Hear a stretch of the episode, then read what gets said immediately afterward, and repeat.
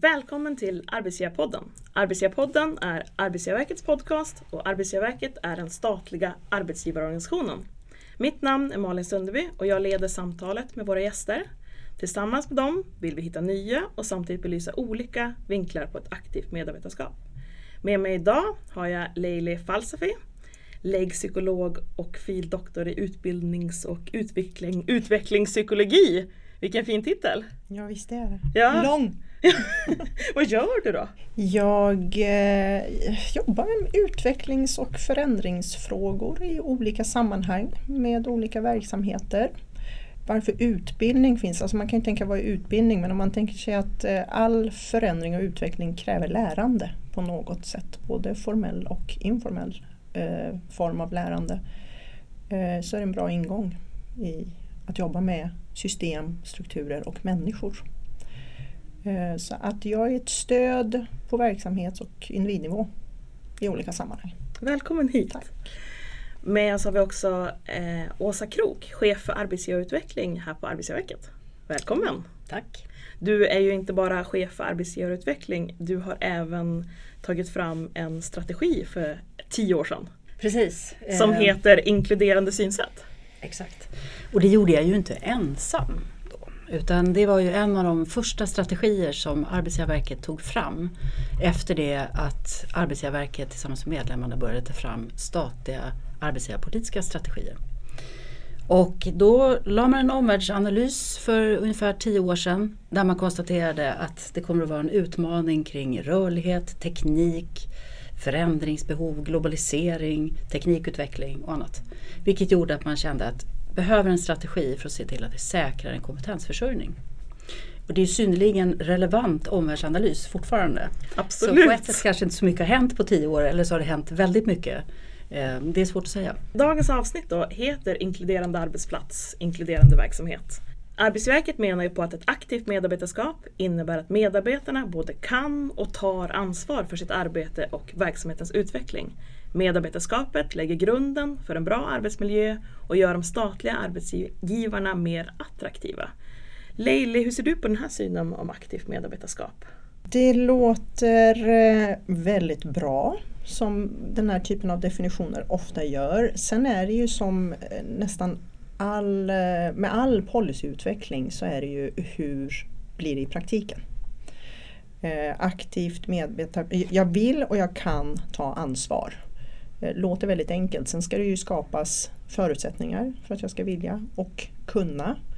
Eh, men sen är det ju de här bitarna som Åsa pratar om, alltså att, att eh, det finns en, alltså de förändringsprocesser som pågår förändrar ju förutsättningarna för det. Så att kombinationen kan och vill är jätteviktigt. Alltså jag kanske vill men jag kan inte nödvändigtvis. Det kan också vara att jag kan men jag vill inte av någon anledning. Så just att alltså, hur får vi till så att det finns en balans i kan och vill. Sen kan man ju också undra ibland, fundera över, är det någon av dem som är viktigare än den andra egentligen? Eh, alltså räcker det med vilja om jag inte kan? Och det tror jag är en fråga som kommer att bli eh, större när vi pratar kompetensförsörjning överhuvudtaget. Alltså när vi inte hittar exakt rätt kompetens, hur tar vi vara på viljan? Eh, Och hur kompletterar vi från arbetsgivarsidan med kunnandet på andra sätt? Alltså där kommer vi att behöva tänka mycket mer nytt. Det kommer inte vara självklart att kunnandet följer med in. Så att förutsättningarna för det aktiva medarbetarskapet kommer ju att förändras. Och jag tror faktiskt att om vi tänker de senaste tio åren har det redan börjat förändras. Utifrån, utifrån medarbetarperspektivet så handlar det mycket om kan och vill. Men sen så kommer man ju också till, tänker jag, arbetsgivarens del. Ja, och där ligger ju får. För att det är ju lite det den här inkluderande synsättsstrategin tar sikte på. Just att möjliggöra att man får. Både att man kan och vill men också att man får. Eh, I strukturen och i kompetensförsörjningen och att ledare, eftersom den här strategin riktar sig direkt mot chefer i hur man ska vara med och skapa en verksamhet som har ett inkluderande förhållningssätt. Så handlar det jät- jättemycket om att skapa ett får. Både ett kan och vill, men får. Ja, och inkludering handlar ju om att strukturer och system förändras så att de möjliggör att relevant kunskap om kompetens som människor innehar kommer till nytta utan hinder på vägen. Och som jag sa så den här strategin, inkluderande synsätt, tog fram 2007 och fyller 10 år i år.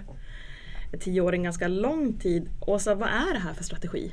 Det är en bred kompetensförsörjningsstrategi. För en av de utmaningar som jag sa som statliga arbetsgivare då såg redan 2006 det var ju just det här, hur kan vi skapa attraktiva arbetsplatser? Man såg redan då att demografiskt så skulle man få problem med vissa kompetenskategorier. Och man kände att man behövde jobba väldigt mycket med att säkra både kompetens, ja, säkra en långsiktig kompetensförsörjning. Till det här ligger ju också ett eh, mångfaldsdefinition.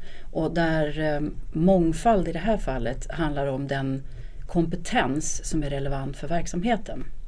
Och mångfald i mångas öron handlar ju många gånger om etniskt ursprung. För det är många gånger där vi har använt det begreppet tidigare. Så här var det en lång resa med den här strategin. Att lyfta sig från att prata ett mm diskrimineringsperspektiv som alla arbetsgivare har ju det kravet på sig sedan länge, länge att jobba mot diskriminering.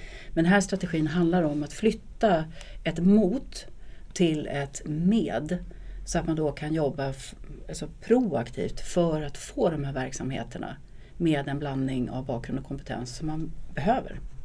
Och som inte bara handlar om etnicitet. För jag tror att 2006 hade man landat i att, att det var ett ganska okulärt synsätt på mångfald. Eh, mycket härrörande för att statliga arbetsgivare har ett regeringsuppdrag att öka andelen med utländsk bakgrund.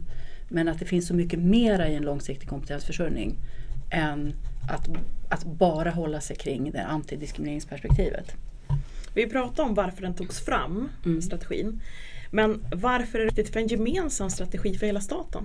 Statliga arbetsgivare har ju ett eget arbetsgivaransvar på en delegation, så en arbetsgivarpolitisk delegering, vilket gör att varje myndighet är ansvarig för sina arbetsgivarfrågor. Men med tillägget att man är det i samverkan med övriga och då pratar vi om myndigheter som är direkt underställda regeringen. Arbetsgivarverket har eh, obligatoriska medlemmar och det är de myndigheter som är, eh, lyder under regeringen. Men vi har också ett, eh, ett, antal frivilliga medlemmar som ser så mycket gemenskap med, med statlig sektor att man har eh, ansökt om ett medlemskap i Arbetsgivarverket. Och när det gäller de myndigheter som är under regeringen så har de också ett uppdrag att samverka kring arbetsgivarpolitiken för att den ska bli gemensam för statlig sektor. För det är väldigt viktigt. Det finns en statlig värdegrund. Det finns ett eh, arbetsgiveri på nationell nivå. Sen finns det jag vill säga, alla myndigheter är sin egen arbetsgivare men de är också en statlig arbetsgivare. Så både det här individuella och det kollektiva perspektivet och därför är en sån här strategi så väldigt viktig. För det är ett synsätt som ska prägla statsförvaltningen. Och varför är det då Arbetsgivarverket som har gjort detta? För att vi då har ett uppdrag från regeringen att utveckla och samordna arbetsgivarpolitiken tillsammans med medlemmarna. Så det finns den här treenigheten. Det är regeringen, det är respektive myndighet och det är Arbetsgivarverket som också är en myndighet men som då har det här uppdraget. Att vi tillsammans ska göra arbetsgivarpolitiken eh, begriplig, effektiv, bra, samordnad och att man också inte ska spreta runt i staten. Och det här är ju som ett grundvärde. Att just jobba med ledarskap och medarbetarskap det är ju verkligen arbetsgivarfrågor i grunden. Det är arbetsgivarfrågor. Så att det är lika viktigt för våra myndigheter som det är för oss som organisation. Och Leile, vad innebär inkludering? Någonstans i praktiken? Det är lite som Åsa pratade om hur alltså, begreppet mångfald och vad det är och innehållet i det eh, har ju haft en organisk utveckling. Där det kom då, det är nästan 20 år sedan idag skulle jag säga, när det fick någon typ av genomslag eh, både i arbetslivet och bland folk så var det ju väldigt mycket fokus på just att det handlar om etnisk mångfald. Eh, och så var det väldigt länge. Eh, sen började man ju haka i diskrimineringsområdena i allmänhet och att man skulle betona att det handlar om blandningen av olika kategorier där etnicitet var det ena. Eh, I samma veva någonstans, och det är lite beroende på vilken skola man är inne i och vad man pratar om och vad man har för perspektiv, så börjar man också prata om att jo, men det är ju blandningen av bakgrund i allmänhet. Eh, och någonstans är vi alla människor kombinationen, den här komplicerade ekvationen av alla möjliga bakgrundsfaktorer som vi har som gör att vi blir de vi blir. Eh, och i det där så finns det också en kompetens. Och sen kom helt plötsligt variationen av kompetens in i det här. Så att mångfald blev ju så mycket, mycket större. Och i det då så kommer vi in helt plötsligt i inkludering som begrepp. Och då ska vi komma ihåg att hela det här fältet så fanns ju det från början så var det ju integration var ju det stora samhälleliga begreppet som man pratade om. Eh, och så går det över till inkludering. Eh, varför man går över till det, det kan man ju fundera över. För att alltså väldigt ofta är det så att ord är ju verktyg. Får man. Alltså det är inte bara någonting man använder för att kommunicera. Ordet använder vi för att styra både våra egna och andras tankeprocesser och, och eh, processer i verksamheter. Så det är klart att när det kommer inkludering så blir det någonting annat. Men innan mångfald så hade vi också väldigt mycket med lika rättigheter och lika berättigande och så vidare.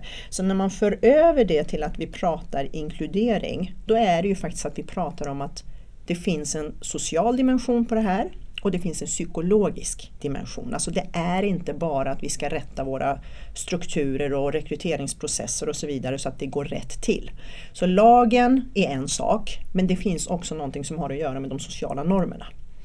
Eh, och är det någonting som är svårt att jobba med och förändra så är det ju vad vi människor gör och vad vi tänker. Alltså det är väldigt lätt att rita om en process och en karta så att det ser rätt ut. Sen ska vi ju alla leva efter det. Och det som blir spännande det är ju hur, om man ska tänka liksom följden av det här, det är ju att om vi ska ta vara på all mångfald som finns i alla sammanhang med alla människor så är det också så att då är vi också väldigt olika och ska liksom lyfta fram den olikheten och samtidigt så ska vi förändras i en och samma riktning.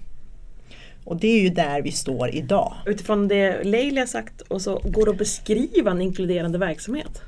För det du säger stämmer ju fullt ut och så går man över och blir en verksamhet och då har man ju perspektivet att den mångfald man då eftersöker är ju den som också ska skapa den bästa verksamheten. Så då har man ju någonstans skurit i, i den här stora mångfalden därför att man vill hitta det som är relevant bakgrund och kompetens för den verksamhet man bedriver.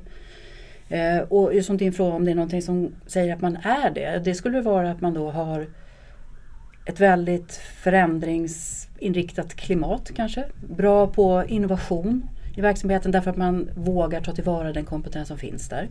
Ja, om du nu säger konkreta exempel. Att du också har chefer som är eh, tydliga arbetsgivarföreträdare i den delen att de också kan bära det här som vi pratar om, den här förändringsresan, att vi ska börja bete oss på ett annat sätt och att vi måste köpa ett, om man nu säger verksamhetskoncept som som man ser är framgångsrikt för den här verksamheten. Som arbetsgivare så är det ju begränsat till den verksamhet du bedriver. Att det är viktigt, det, det, det vi pratar om. Och sen finns det också en samhällsdimension till inkludering. Så att det är ju de här två, de ska ju samverka. Och är det extra viktigt då i staten? Som statlig arbetsgivare? Ja, beroende på om man ser att, att man är ett privat företag och behöver egentligen göra vinst för att vara existensberättigad så är det nog lika viktigt för alla verksamheter att hitta rätt personer och ta tillvara det här så att man maxar med de resurser och de pengar och de förutsättningar man har. Men för staten är det nog extra viktigt också, speciellt nu som vi har pratat om, vi har väldigt många som har kommit till Sverige. Och i det läget så är det ju viktigt att det finns en tillit till att statsförvaltningen verkligen har den här förmågan att inkludera eh, människor och deras kompetens och inte vara en exkluderande aktör. Så att jag tror att både och. Men Leila, hur förhåller sig den inkluderande arbetsplatsen till kompetens, funktion och person? Den behöver förhålla sig till alla faktiskt. Alltså jag tror att det är en viktig del av det hela. Att man tänker att eh, det är hela människan ska ju komma in. Och vad som händer om man skulle hårdra det, när är en arbetsplats absolut inte inkluderande? Om man skulle börja i den ändan. Ja, vad är det? Ja, och då är det, för du pratar om ja, förändringsinriktat, man är innovativ och det finns tydlighet i arbetsgivaren, eh, alltså att man är arbetsgivarföreträdare. Eh, och det skulle man ju kunna tänka sig att faktiskt man har även om man är helt icke inkluderande. Därför att man styrs helt och hållet av den verksamhet man är och sen så tar man vara på det. Eh, och tänker att allt det där är utanför. Så att alltså någonstans kan man ju alltid, alltså vi ska ju inte glömma bort att eh, alla system behöver skapa en tydlig minsta gemensam nämnare. Och i och med det så finns det alltid ett element av exkludering. Alltså någonting måste ju ut och det är ju det du pratar om. Alltså att, och det ska ju styras av, av verksamheten. Eh, när det blir icke-inkluderande då är det att vi har tagit in faktorer i den där gemensamma ramen som faktiskt inte är relevanta. Vad är det för faktorer? Då? Ja men det skulle ju kunna vara så historiskt så har vi haft alla möjliga sådana saker. Alltså vi tittar på att, att om du är kvinna så tror vi inte att du klarar av någonting. Alltså det är ett sånt där historiskt känt eh, exempel säkert förekommer. Idag skulle det säkert också kunna vara att vi får upp ögonen för andra sidan. Alltså är du man så kan du inte ha det här jobbet. Men det är ju verkligen ett, ett fullkomligt irrelevant, eh, en irrelevant faktor som man tar med. Eh, vi, det finns ju forskning som har liksom kunnat se att man har eh, alltså längd på personer. Inte så att jag medvetet tänker mig att ja, men en chef på den här arbetsplatsen inte får vara kortare än si och så mycket. Men bilden av vad en potent och kraftfull chef är har liksom väldigt tydliga fysiska förtecken. Eh, och, och, då skulle man kunna tänka sig att ja, vi skulle kunna föra över det i det kategoriska, alltså hur jag ser ut med min mörka hårfärg till exempel. Eh, men det är ju så mycket annat. Alltså, har du glasögon, går du runt i kjol eller går du runt i byxor? Alltså, vad är det för markörer som du signalerar? De finns absolut. Sen är det ju en massa saker som har att göra med just bakgrundsfaktorer, alltså vad man tror om människor utifrån den historia de berättar. Eh, nu i förmiddag så pratade jag med en person som hade gjort eh, Alltså, det är ju så sällan man stöter på idag folk som har gjort lumpen för folk gör ju inte det. Nu kommer det komma tillbaka. Men det var ju jättespännande. Så var det en chef som, som berättar hur han hade varit i, i eh, musikkåren och, och gjort liksom, militärtjänstgöring på det viset. Eh, och det tänkte jag att alltså, det var ju jättestort. I, på 90-talet så var det ju en enorm efterfrågan på personer som hade sin bakgrund i Försvarsmakten som skulle komma över till privat näringsliv för att man tänkte att det var så otroligt bra chefer. Eh, och det kan man ju tänka sig att är det relevant Ja, någon bestämde sig för att det är relevant. Men det innebär ju också att allt det där andra försvann. Alltså alla som hade samma förmågor men inte hade just den bakgrunden. Och då skulle jag faktiskt säga att då är vi inne på ett, ett område vi inte är inkluderande längre. Alltså vi har bestämt oss för någonting som stänger dörren för en massa andra. Och då kommer vi till att alltså personliga faktorer har ju haft jättestor inverkan på hur vi har bedömt kompetens. Så i inkluderingen så är det att jag ser hela människan, jag ser att du är en person och du har en kompetens. Sen ska den kompetensen in i en funktion. Alltså om man tänker sig att ja, men jag har psykologkompetens, den skulle kunna passa in i en massa olika funktioner. Det skulle kunna vara att ja, men jag jobbar på HR eller jag jobbar som någon typ av ledarskapsstöd eller jag jobbar som chef. Alltså det kan ju vara allt möjligt i det där. Eh, och hur jag kombinerar då bilden av personen kombinerat med kompetensen in i funktionen. De är väldigt styrda i en icke-inkluderande arbetsplats. Och på en inkluderande arbetsplats så är ju den matrisen mycket mer flytande. Jag kan ju se kombinationen av den här personen med de personliga egenskaperna. Men just den här kompetensen skulle faktiskt kunna passa in på ett antal olika funktioner. Det innebär ju också faktiskt att funktionen i den inkluderande arbetsplatsen behöver vara mer organisk och flytande. Alltså man behöver tänka att ja, det här är den arbetsbeskrivning vi har men beroende på vem som kommer in så behöver det där förändras på något sätt eh, för att vi ska ta vara på just det här. Så att generellt är den inkluderande arbetsplatsen mer dynamisk skulle jag säga. Sen kan ju det där leda till den här förändringen och innovationen och så vidare. Men den behöver vara mycket mer dynamisk och det är ju en enorm utmaning för de flesta av våra företag och eh, våra eh, offentliga verksamheter som har en historia av att ha byggt upp eh, liksom väldigt tydliga strukturer med en organisationskarta som inte är så dynamisk och den ska gälla ett tag. Och sen är det också en väldigt stor utmaning för stora verksamheter. Alltså en liten myndighet kommer att ha lättare att skapa den här dynamiska strukturen än en stor myndighet. För att det ska man också komma ihåg, ju mer dynamik desto svårare är uppföljning till exempel. Alltså alla processer behöver ju hitta ett nytt sätt att funka på. Åsa, alltså, vad är ur, alltså den här inkluderande verksamheten och vad, vad behövs det då för förutsättningar för att man ska, om det ska vara då mer dynamiskt, det låter som att arbetsgivaren måste arbeta på ett tänka kanske på ett nytt sätt eller på ett annorlunda sätt? Ja, och i, när den här strategin då, inkluderande synsätt togs fram så gjordes det ju den i samverkan som jag sa med våra medlemmar under ganska lång tid, under ett och ett halvt år. Och till slut så landade ju det i att man behöver ha ett gemensamt förhållningssätt. Någonstans det här du säger, den minsta gemensamma nämnaren. Och den utgår ju från allting med rättssäkerhet och effektivitet och det som är grunden och också en syn på hur man ser på ett inkluderande synsätt, vad det är. Men att för att då göra det här, att den här strategin riktar sig ju till högste chef i verksamheten. Att jobba med sex strategiska ställningstaganden. Och då kan man säga att ja, det, det är inte allenarådande att det just ska vara bara de här sex. Men det som identifierades var just att det är sex parametrar som man behöver ta hand om. Och det handlar bland annat om kultur. Det handlar också om att använda skicklighetsbegreppet eftersom statliga tillsättningar handlar om förtjänst och skicklighet. Att kunna jobba bra med sina kravprofiler. Lite kan du beskriva det lite kort? För det, jag tror att det är lite svårt kanske. Just vad är skicklighetsbegreppet och just det, vad innebär förtjänst och skicklighet? Det är svåra ord. Ja, och det, det går inte... Så här, det är för lång beskrivning att ta den långa versionen av vad förtjänst och skicklighet är. Men i korthet kan man väl säga att statliga anställningar ska tillsättas transparent. Och det är då egentligen bara formella grunder som den skickligheten och eh, förtjänsten, vilket är tiden, men det är hur lång tid man har varit. Men det, det viktigaste är din, din, skicklighet. Och då ställs den mot de krav som är uppställda när man söker någon. Så konkret i en rekrytering så har du då ställt upp ett, en kravprofil med, med ska, personen måste ha det här.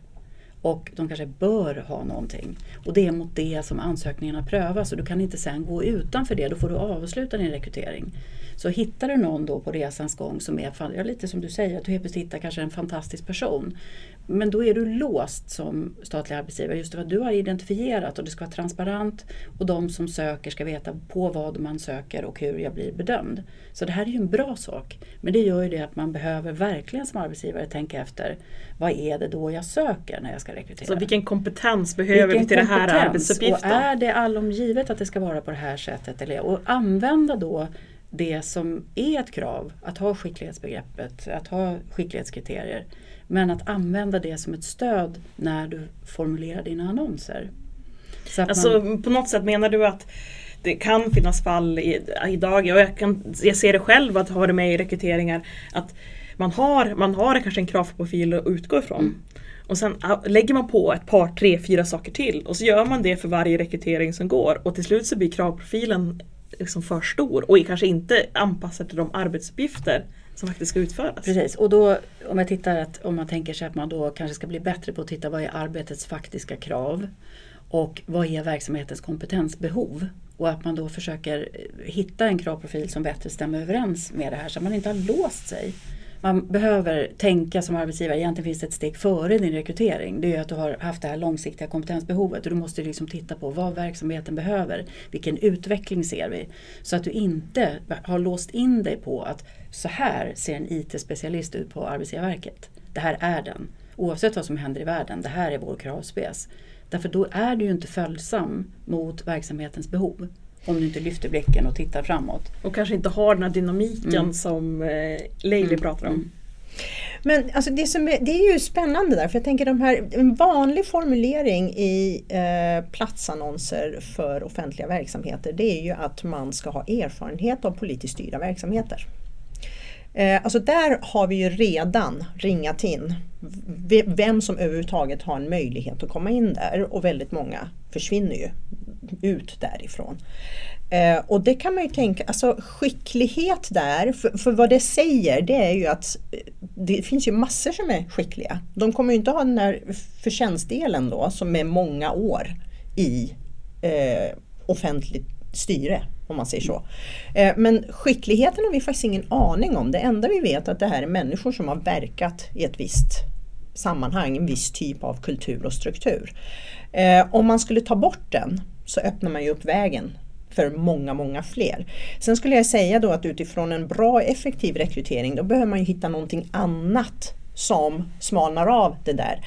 Men om man ska ha ett inkluderande sammanhang som faktiskt öppnar upp för nya, då behöver man ju också tänka att alltså, det måste vara möjligt att komma med andra bakgrunder egentligen. Och någonstans så tror jag att, att en viktig förutsättning för att ha inkludering det är att man tänker framåt snarare än bakåt. Alltså det finns ett visst antal element i min erfarenhet som jag har med mig som är väldigt, väldigt viktiga för att du ska kunna röra dig framåt. Men väldigt mycket av det som har att göra med att jag är van vid någonting. För det ska vi också komma ihåg att vana är någonting som förhindrar inkludering faktiskt. Alltså ju mer jag är van vid någonting desto mer vill jag ju fortsätta där. Så det här att jag ska komma in i ett nytt sammanhang och bidra till att det nya sammanhanget också kan hitta nya sätt och nya vanor kräver att man faktiskt gjuter in lite nytt blod. Så att, att i det sammanhanget så blir det ju liksom mycket vana som stänger dörren. För sen kan det ju vara, skickligheten kan ju finnas där men gör det här att det är någon skillnad på tolerans och acceptans inom en inkluderande verksamhet?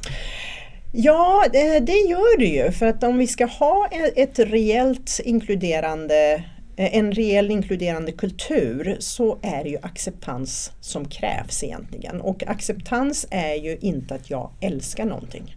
Det är ju att jag, alltså jag förhåller mig neutralt till det. Jag gillar vissa saker, vissa saker gillar jag inte. Eh, det är nyanserat. Tolerans inbegriper ju en distans. Alltså jag tolererar det. Det, det finns inbyggt i ordet. Eh, jag eh, står ut med att du är här, jag kommer att interagera med dig men jag är inte beredd att gå in i den här, liksom, det reella samspelet i det eller att jag faktiskt tar in dig på lång sikt. Alltså jag förbinder mig till dig som en del av den här eh, arbetsplatsen. Eh, sen, alltså det behöver ju inte förändra, jag tänker så här om man bara har att jo, men vi vill ha erfarenhet från politiskt styrda verksamheter och så kommer det in någon annan. Eh, kommer vi vara mindre accepterande? Nej, men det är klart att eh, jag har inte ens gett en möjlighet till acceptans om jag inte faktiskt formulerar att någon annan också är välkommen. Och så har du någon kommentar till? Jag kan hålla med om sammanhanget och det är ju det som jag försöker säga på ett annat sätt, just det där att tänka så här, vad behöver verksamheten och verkligen tänka efter vad, vad är de facto av värde, vad är det för kompetens vi letar efter? Och den här formuleringen som jag då gör, stänger den ute eller öppnar den upp för den kompetens som jag vill ska söka? Så att därför får man ju verkligen sätta sig ner och då handlar ju den här strategin mycket om att chefer måste, och HR, jobba igenom sina processer för att man ska förstå att man kan inte slentrianmässigt bara utgå från det man hade utan man måste titta på det dit man ska. Så, att, så jag håller med dig i sak och jag är, jag är okunnig om om det är ofta som det står att man behöver erfarenhet av politiskt styrda organisationer. Men, men om det nu är en kompetens som den verksamheten känner att det är en kompetens i sig, vad det nu kunde vara att, att ha gjort det. Ja, då har ju de gjort en bedömning. Men vad, jag tror vad vi... Man ska inte göra slentrian, man ska Nej, göra bedömningen. Ska, det, ska vara, det ska ju vara för verksamheten, att man då tänker sig det här är det jag vill, då ska man kunna stå för det. Mm. Det är mm. lite som lönesättning, man ska veta vad man gör. Ja. Mm. Och faktiskt också kanske att man definierar vad det är då. Vad är det jag har med mig om jag har erfarenhet av den typen av struktur? som är ett måste. För mm. allt är inte relevant i den erfarenheten. Men det kanske är någonting, till exempel skulle jag säga att det som krävs i politiskt styrda verksamheter är uthållighet. Och det kan man ju ha ändå för att alltså saker och ting har en gång och en process och det kan vara fram och tillbaks. Det är inte bara att vi behöver göra det och så fattar vi beslutet. Eh, så att man faktiskt har tålamod och uthållighet blir helt plötsligt en jätteviktig del av skickligheten. Det kan man ju ta med. Men hur ser ansvarsfördelningen för inkluderingen på en arbetsplats ut? Eh, alltså det här är inte, jag tänkte på det att här har vi pratat om att det är inkluderande synsätt och inkluderande förhållningssätt och inkluderande arbetsplats. Mm. Och om man skulle säga inkluderande förhållningssätt, ja då är det ju alla som har ett ansvar i det. Och då skulle man ju också säga i så fall att det är också en del av kravprofilen faktiskt. Att, att man kan bidra till den kulturen blir jätteviktigt. Eh, ett tag pratade man, nu vet jag faktiskt inte hur man formulerade det, jag har inte haft ögonen på det sådär noggrant, men social förmåga var en sån här grej som man skrev som skulle på något sätt innebära att du interagerar på folk på ett speciellt sätt. Eh, och det är ju inte nödvändigtvis att man har ett inkluderande förhållningssätt till människor. Eh, men i så fall är det faktiskt en del av kravprofilen och det är någonting vi alla har ett ansvar för. Eh, och jag skulle till och med säga att det skulle vara så att man faktiskt följer upp det i medarbetarsamtal. Alltså att det är någonting som jag verkligen tittar på hur du bidrar till att vi har ett inkluderande eh, en inkluderande arbetsplats. Ja. Så att mitt förhållningssätt är det som bidrar till att vi har det. sen är det att ledarskapet som, eh, för medarbetarskapet är en del av det, men sen pratade du också att, att jag faktiskt har ett arbetsgivaransvar att jobba med det här. Och där kommer vi till en annan del som är, jag skulle säga, ett större ansvar för chefen än för medarbetaren. Eh, det är ju att jag måste kliva ur min egen komfortzon. Alltså de här vanorna som jag har som gör att eh, jag gör på ett visst sätt och vi har gjort på ett visst sätt och vi tycker att det är lätt. Och de sakerna som ofta faktiskt inte har att göra med den reella verksamheten egentligen utan det är vanor som gör att vi gör för att det är lättare. Där skulle jag säga att alltså, chefen har ett mycket större ansvar i att, att jag går före, jag kliver ut jag utmanar mig själv men jag utmanar också dig. Eh, sen är alltså förhållningssätt är någonting väldigt osynligt, det är ju svårt att mäta det, alltså hur gör man? Men, men att eh, faktiskt titta på hur jag pratar, hur jag resonerar.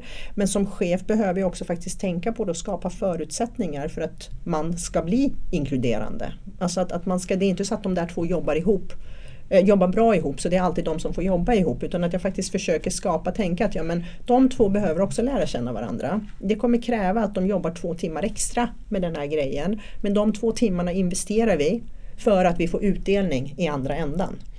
Eh, och det innebär då att helt plötsligt i den här pressade eh, arbetssituationen som många upplever att de har så behöver vi börja omdefiniera lite grann vad är effektivitet. Man behöver kanske inte alltid tänka så. Alltså att A och B som jobbar väldigt bra ihop och, och, av gammal vana får ju göra det för att de mår bra för att det gynnar verksamheten. Men ibland kanske man behöver bolla in den här person C också. Eh, och där är ju chefen har ett större ansvar. Alltså man måste gå före vare ja. sig man vill eller och, inte. Precis, och då har vi ju medarbetare, chef. Högsta chefen då, som den här strategin som Arbetsverket tagit fram är riktad till. Vart kommer det ansvaret in? Den riktar sig till myndighetschefen eftersom denne har det, eller hen har det yttersta arbetsgivaransvaret. Men hela strategin handlar ju om hur den personen kan få hela organisationen att då sätta ut en ram som egentligen måste vara för att man ska kunna åstadkomma den här inkluderande arbetsplatsen. Och mycket precis det som Leili säger, att, att få chefer att reflektera över hur de kan förmedla det här, hur man i sina eh, om man går ner på operativ nivå, hur man tillsätter grupper. Det kan vara massa sådana. Eh, man kanske vaktar väldigt mycket på sina egna medarbetare, på sin egen enhet. Man, har, man måste lyfta sig och tänka vad är, vad är bäst för vår verksamhet? Och att i hela det ledarskapet som finns signalera att här är vi faktiskt intresserade av att hitta de bästa för det som leder mot målet. Och, och det kräver ju jättemycket jobb. För det är ju precis det som ett hierarkiskt ledarskap egentligen inte är. Kan man på något sätt se att det är en inkluderande arbetsplats? Eller är det bara en känsla? Kan man se det? Om jag kommer in genom dörren på, eh, i en, på, hos en arbetsgivare kan jag se där ifall det är en inkluderande arbetsplats eller inte? Inkluderande verksamhet? Ja, det, alltså finns det, kan vi identifiera objektiva parametrar om vi uttrycker det så. För om det är det eller inte, ja det skulle vi kunna göra. Och väldigt konkret är det ju, alltså eh, etnicitet är en faktor. Alltså det, går inte, det är liksom en sån som man kan titta på. Man kan titta på eh, hur eh, alltså vilka som sitter på chefspositioner. En väldigt bra indikator för det handlar om liksom hur öppet det är både horisontellt och vertikalt. Eh, så. Sen huruvida den här liksom känslan när man kommer in eh, att det, det, det är glatt och det är positivt och så vidare.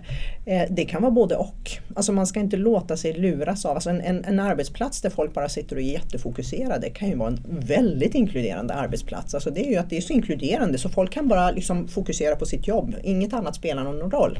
Eh, komma in på en arbetsplats där det är liksom mingel varje dag i den här gemensamma lobbyn kan ju också betyda att det finns väldigt hårda sociala markörer för vem som får vara med och inte. Jag skulle säga, finns det sådana saker som man kan titta på? Ja.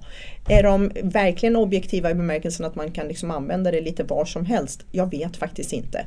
Däremot så skulle man själv kunna på sin egen arbetsplats faktiskt gå in och definiera dem. Vad är det vi vill jobba fokuserat med? För det är väldigt mycket som går in i det.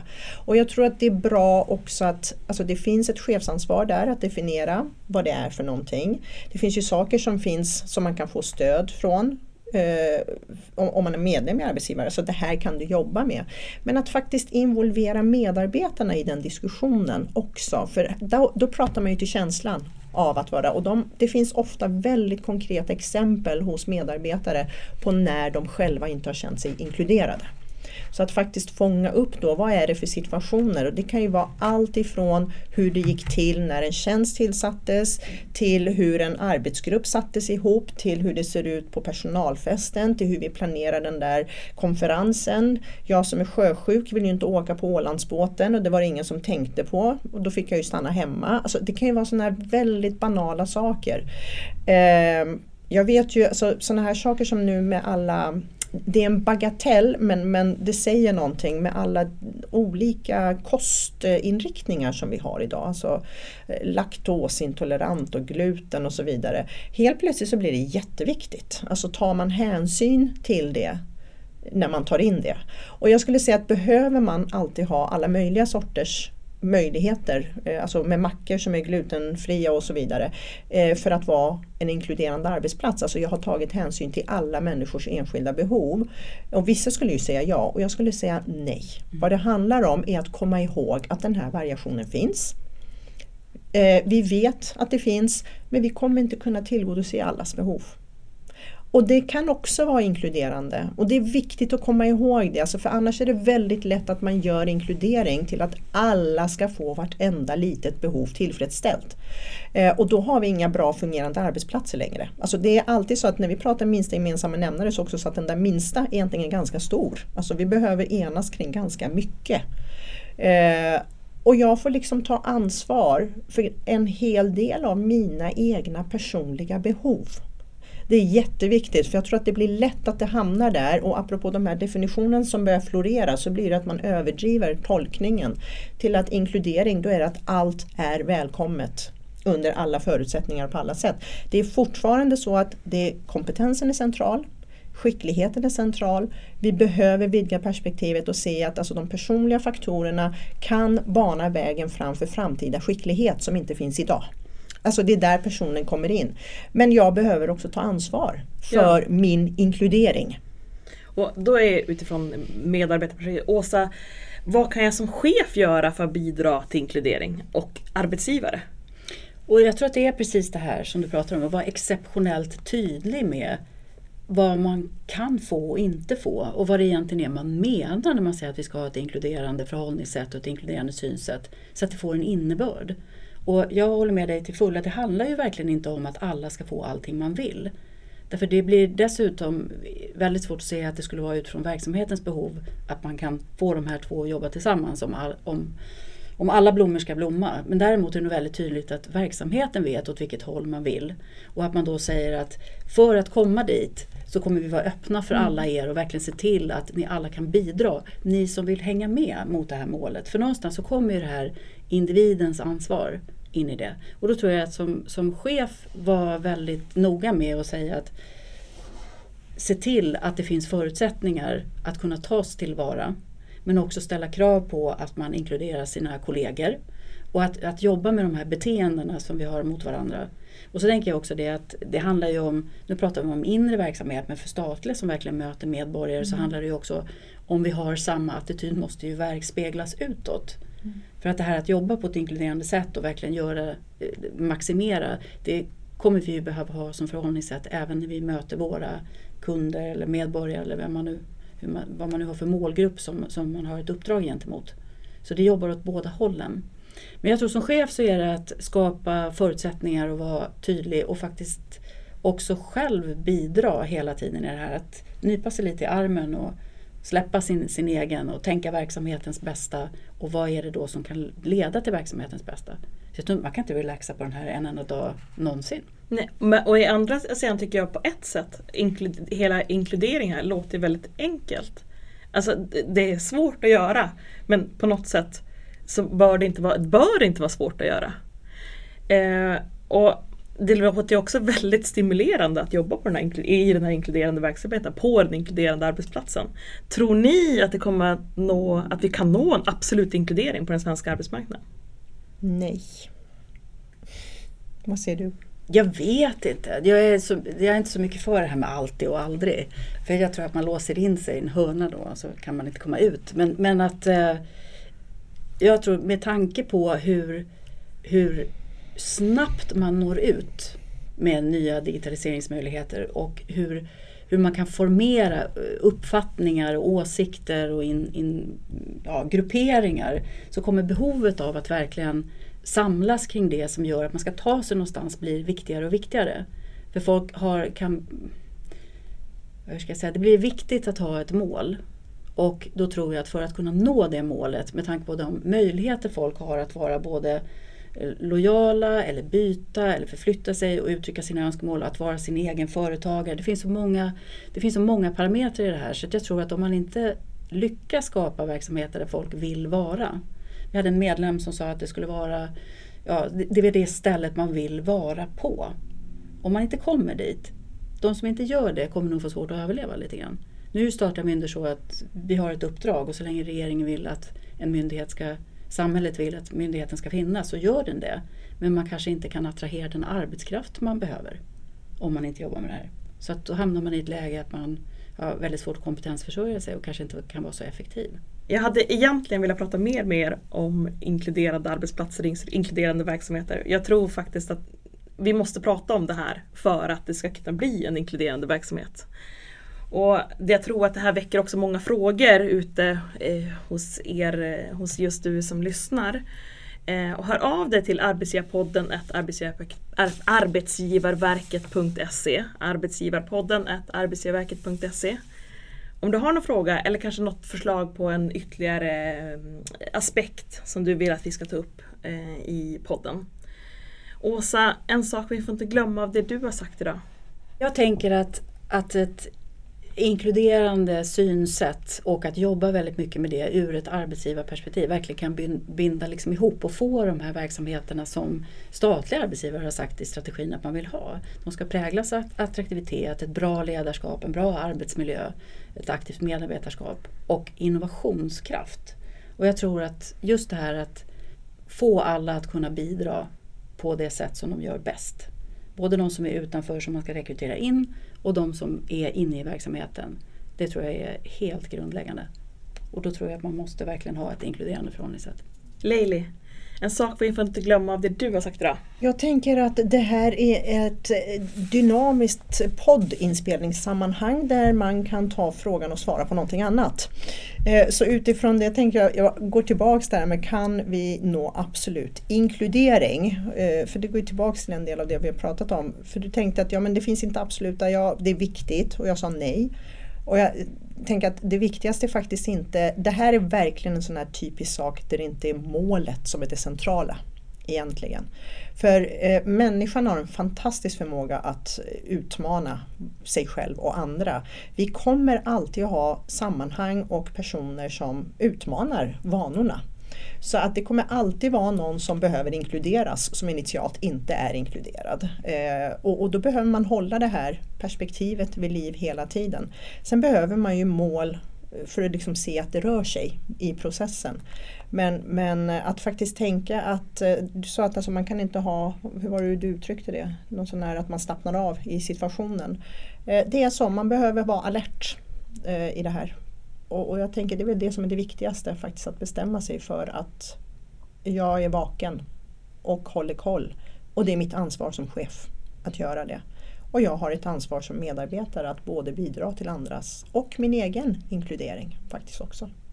Tack Leili, Åsa för att ni var här idag. Nu tar Arbetsgivarpodden sommarlov. Vi kommer tillbaka med rykande färskt avsnitt den 7 september, så var alerta! Prenumerera på Arbetsgivarpodden så dyker nästa avsnitt automatiskt upp i din poddapp. Tekniken står Sara Nyckelsnöja för. Mitt namn är Malin Sunderby. Arbetsgivarverket menar på att ett aktivt medarbetarskap leder till att statliga verksamheter blir mer effektiva och attraktiva. Glad sommar! Hej då!